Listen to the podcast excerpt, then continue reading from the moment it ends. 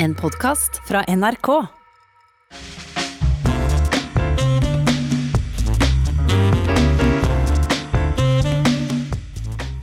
Det er et historisk faktum at med sine krigsseilere var handelsflåten det eneste avgjørende norske bidraget til de alliertes seier over Nazi-Tyskland. Likevel var det ikke jubel og ikke heltestatus som venta de som i 1945 kom hjem etter årevis i verdens farligste fart. Det var uforstand, utestenging og harde tak med egne nerver og vrangvillige styresmakter. Men mange hadde også familier som ble en uløselig del av krigsseilerskjebner, som opplevde ektemenn og fedre med et traumehelvete som mange aldri snakka om. Og det er dette du, Berit Rikard, nå har skrevet to bøker om. Velkommen direkte fra studio i Arendal. Ja, tusen takk. Først så skrev du om din egen oppvekst med en far som var krigsseiler, og nå har du i boka 'Det var hjem vi sjøfolk skulle' snakka med 15 andre krigsseilerbarn om oppveksten. Ja, det stemmer. Når det gjelder den første boka som jeg skrev om min far, så er det vel ikke helt riktig å si at det er om min egen oppvekst. Det er riktignok et kapittel der i siste del som heter 'Barndom med en krigsskadet far'. Men det utgjør jo en liten del av eh, hele boka. For den boka som jeg har kalt 'Fra sjømann til soldat krigen som aldri tok slutt', og som jeg ga ut for tre år siden, det er først og fremst en beretning om min fars eh, fem år eh, til sjøs i den norske handelsflåten. Eh, bak det arbeidet der lå det et veldig sterkt behov og ønske fra min side om å finne ut hvorfor min far var så traumatisert av krigen. For da han kom hjem i eh, september 1945, eh, det var jo før jeg var født, men det har jeg fra min mor, så hadde han forandret seg og var blitt et helt annet menneske.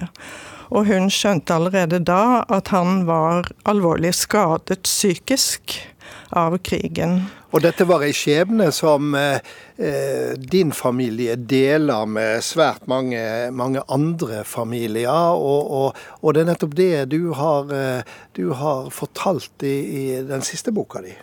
Ja, det er det. Og du kan si at um, Altså, Arbeidet med den første boka ga jo meg svar på hvorfor min far var blitt så medtatt av krigen. Jeg fikk svaret gjennom det du kan si studiet av de krigsårene han hadde bak seg.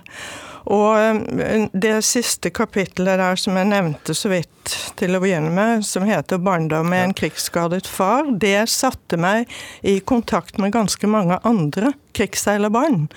Fordi det var veldig mange som henvendte seg til meg og kommenterte det jeg hadde skrevet der, og som tydeligvis opplevde det som gjenkjennelse. Det var mye der, selv om ikke jeg sa så veldig mye, så var det likevel nok til at de kjente seg igjen, og at det kanskje også virket litt Eh, forløsende, rett og slett. Det er mange som forteller om en barndom der krigen og fars opplevelser eh, under krigen som krigsseiler var tabuområde. Er denne tausheten om det som skjedde, om det som fedrene hadde opplevd, en slags fellesnevner i de historiene du har fått høre? Ja, absolutt. Det kan du si. At tausheten er ja, du kan nesten si at det er et slags spøkelse som går gjennom alle de samtalene. Det er et par unntak, men, eh, men eh, det, er, eh, det er et tema som går igjen i så å si alle historiene. Det er den private tausheten. Tausheten hjemme, i familien, og det er tausheten i samfunnet. Tausheten i skolen og uh, tausheten blant folk flest, kan du si. Det var, ingen, det var, ingen, som snakket om det. Det må du aldri spørre din far om, jenta mi. Det har du ingenting med. Det skal det ikke snakkes om. Det har vært et helvete. Ferdig med det. Eh, siterer du uh, ei av de fortellingene du har hørt? Ja, det stemmer. Det er jo en som uh, som sier det. Og hun uh, spurte jo sin far som liten jente, satt på fanget hans og spurte pappa kan du fortelle om krigen. Var nysgjerrig, ikke sant? Naturlig for et barn. Og så får hun det svaret der. Og det er jo egentlig litt eksepsjonelt, fordi at vanligvis så var det mer sånn at vi fornemmet at dette skal vi ikke snakke om. Eh, det, det, lå i lufta at dette snakker vi ikke om, og hvis man kom inn på det, så ble faren eh, vrang og uvillig og signaliserte at dette er ikke noe tema. Så vi snakker heller om noe annet. Det, det ble sagt eh, på den måten også, men, men, det du siterer der, er jo et eksempel på uh, at man får det i veldig klartekst. Da. Og selvfølgelig husker hun det veldig godt, fordi at når en far sier det til sin datter på den måten det ble sagt, så sitter det, og da spør du ikke igjen.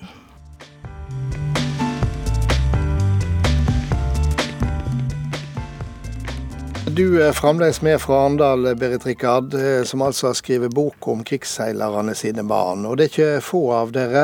For drygt 30 eh, 000 norske sjøfolk på vel 1000 norske skip eh, sto for det viktigste norske bidraget til seieren i andre verdenskrigen. 4000 av dem kom aldri hjem. I årevis så levde krigsseilerne i daglig frykt for å bli torpedert, og halvparten av dem opplevde det. Men det var jo nesten ingen som etter krigen forsto hvor skadelig det er for et menneske å gå i måned etter måned, år etter år i en slik kronisk høy mental beredskap, eh, Berit Rikard? Nei, det stemmer det.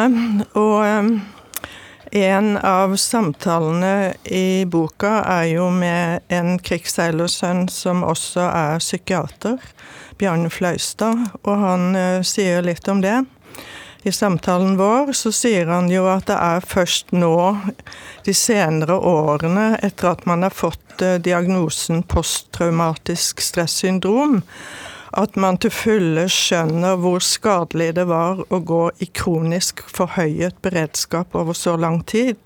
For problemet etter krigen var at man greide ikke å skru av igjen den beredskapen. Man var i, i høyspent Eh, tilstand, og, og det eh, jo, ble jo eh, et helseproblem, selvfølgelig. Men like etter krigen, så i min barndom på 50-tallet og ungdom på 60-tallet, så forsto vi ikke dette her. Vi så symptomene, opplevde det i hverdagen, at vi hadde fedre som var plagede.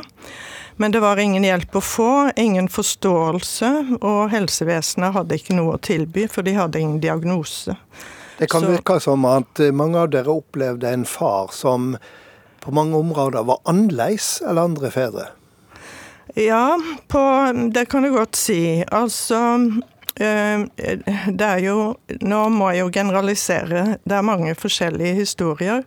Men det er mange som forteller om fedre som på en eller annen måte skilte seg ut, altså sosiale avvik. Og barn er veldig følsomme for uh, hvordan foreldrene oppfører seg. Det skal veldig lite til før barn skammer seg over foreldrene hvis ikke de oppfyller uh, kravene til såkalt normalitet og, og og har noen avvik, f.eks. som skyldes nerver eller alkohol, som er to stikkord her.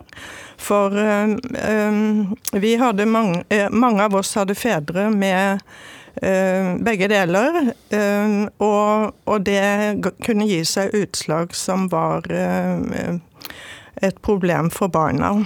Ja, For et ord som skam, det går i grunnen igjen?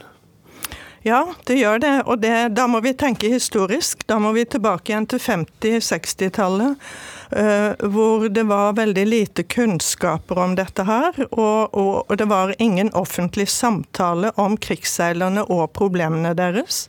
Heller ikke om innsatsen deres. Sånn at uh, alt dette var jo da pakket inn i en taushet. Vi, vi opplevde Jeg opplevde at min far hadde flashbacks som medførte at han uh, oppførte seg på en måte som uh, jeg syns var flaut, som vi sa den gangen. Mm. Andre opplevde at pappaen var full, og, og det var også skammelig. Og, men hvorfor de hadde disse problemene, det var det ingen som sa noe om. Og uh, det er jo noe av, Altså det, det mm. kunnskapsvakuumet som vi vokste opp i, er jo noe av problemet her. Og Det er jo noe av det du bidrar til å fylle. Og jeg ser at eh, boka di er tilegna mor di. Eh, for vi har jo snakka om fedrene og vi har snakka om barna, men eh, det kan ikke være lett å ha båret den mødrebøra som eh, mange gjorde. Nei, altså disse kvinnene som, kvinnene som var gift med hjemvendte krigsseilere de fikk en veldig stor oppgave, et stort ansvar, og mange av de gjorde en helt fantastisk innsats.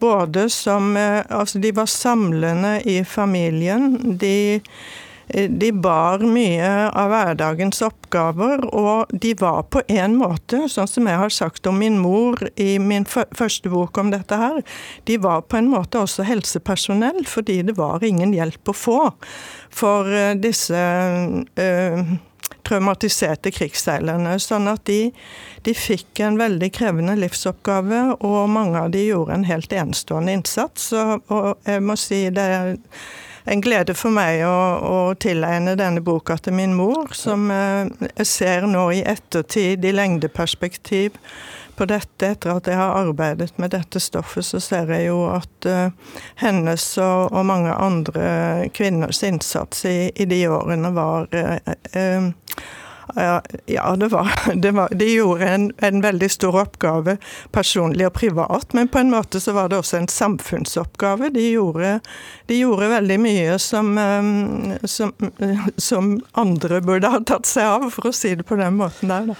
Vi nærmer oss slutten på vår eh, samtale. I de siste åra så eh, har jo krigsseilerne fått eh, svært mye anerkjennelse for innsatsen de sto for. Du nevnte det at mange hadde følt skam, men er det i dag rom for å være stolte av fedre som en tidligere skamma seg over? Absolutt, og der vil jeg jo bare si sånn på slutten nå at det var, det, det var, jo det noen burde ha hjulpet oss til å skjønne da vi var i oppveksten. Da vi kom i den alderen at vi hadde mulighet for å forstå noe av hva dette dreide seg om, så burde f.eks. skolen ha tatt sitt ansvar. Historiefaget. De sviktet oss fordi at de kunne ha hjulpet oss til å skjønne, sette dette inn i en sammenheng, gi oss de nødvendige kunnskapene, sånn at vi kunne være stolte av fedrene våre, fordi det er jo det vi burde ha vært. Og i dag så, så sier jo alle mine samtalepartnere at de, at de kjenner den stoltheten. Men dessverre så kom det for seint. Det er ord til ettertanke, Berit Rikard. Tusen takk for at du kom og delte din egen og andres historie med oss. Og så runder jeg av med min faste kommentar. Her er denne vekas Stang inn, stang ut. Torsdag denne veka var det FN-dagen. En dag som er blitt markert i norske skoler i tiår på tiår. Kanskje som tegn på et lite lands håp om internasjonal rettferd også i tider da det bare er en illusjon å tro på noe slikt. Uansett har Norge et sterkt og aktivt eh, forhold til verdensorganisasjonen med hovedkvarter på Manhattan. Nordmann Trygve Livar, FNs første generalsekretær, det setter tonen for ei støtte som må holde seg i både storm og stille. Nå står helst barometeret på storm og det er på samme tid som FN markerer sine første 75 år. For det er ikke slik at verdensorganisasjonen utøver selvstendig makt over utviklinga. Den er helt avhengig av at stormaktene ser seg tjent med å bruke FN i tjenester for fred og utvikling i verden. Og det er svært mange år siden viljen til dette har vært så låg som akkurat eh, nå. Det er som dagens generalsekretær Antonio Guterres formulerte det for eh, noen dager siden, vi har overskudd på globale problem, men underskudd på globale løsninger. Nett dette jubileumsåret er det lett å være pessimist på FNs vegne. For det er så lett å glemme at temperaturen i det storpolitiske rommet svinger. Like lett er det å glemme at FN-historien er brulagt med krise og spådommer om at organisasjonen har framtida bak seg. Og så kommer nye statsmenn og nye tider, der en arena for konfliktløsning og internasjonal dugnad viser seg å være akkurat den mekanismen som fører fram. Jubileumsåret for FN må være at eh, slike tider igjen vil banke på døra. Det er i alle fall håpet. Dessuten er det fort gjort å overse alt det arbeidet som ikke påkaller den store nyhetsinteressen. Det som fører til en langsom revolusjon med omsyn til utdanning og helse, samarbeid og utveksling konkrete tusenårsmål som nok ikke blir nådd i tide, men som likevel sakte, men sikkert nærmer seg realisering. Endringer som gjør hverdagen noe bedre for millioner av mennesker. Alt dette som også har sin plass under FN-paraplyen. Det ligger håp i slikt. Så alt i alt er det vel gode grunner for å gratulere FN med rundinga av 75-årsmerket. God helg.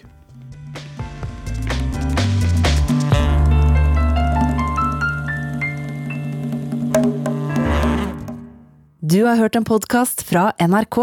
Hør flere podkaster og din NRK-kanal i appen NRK Radio.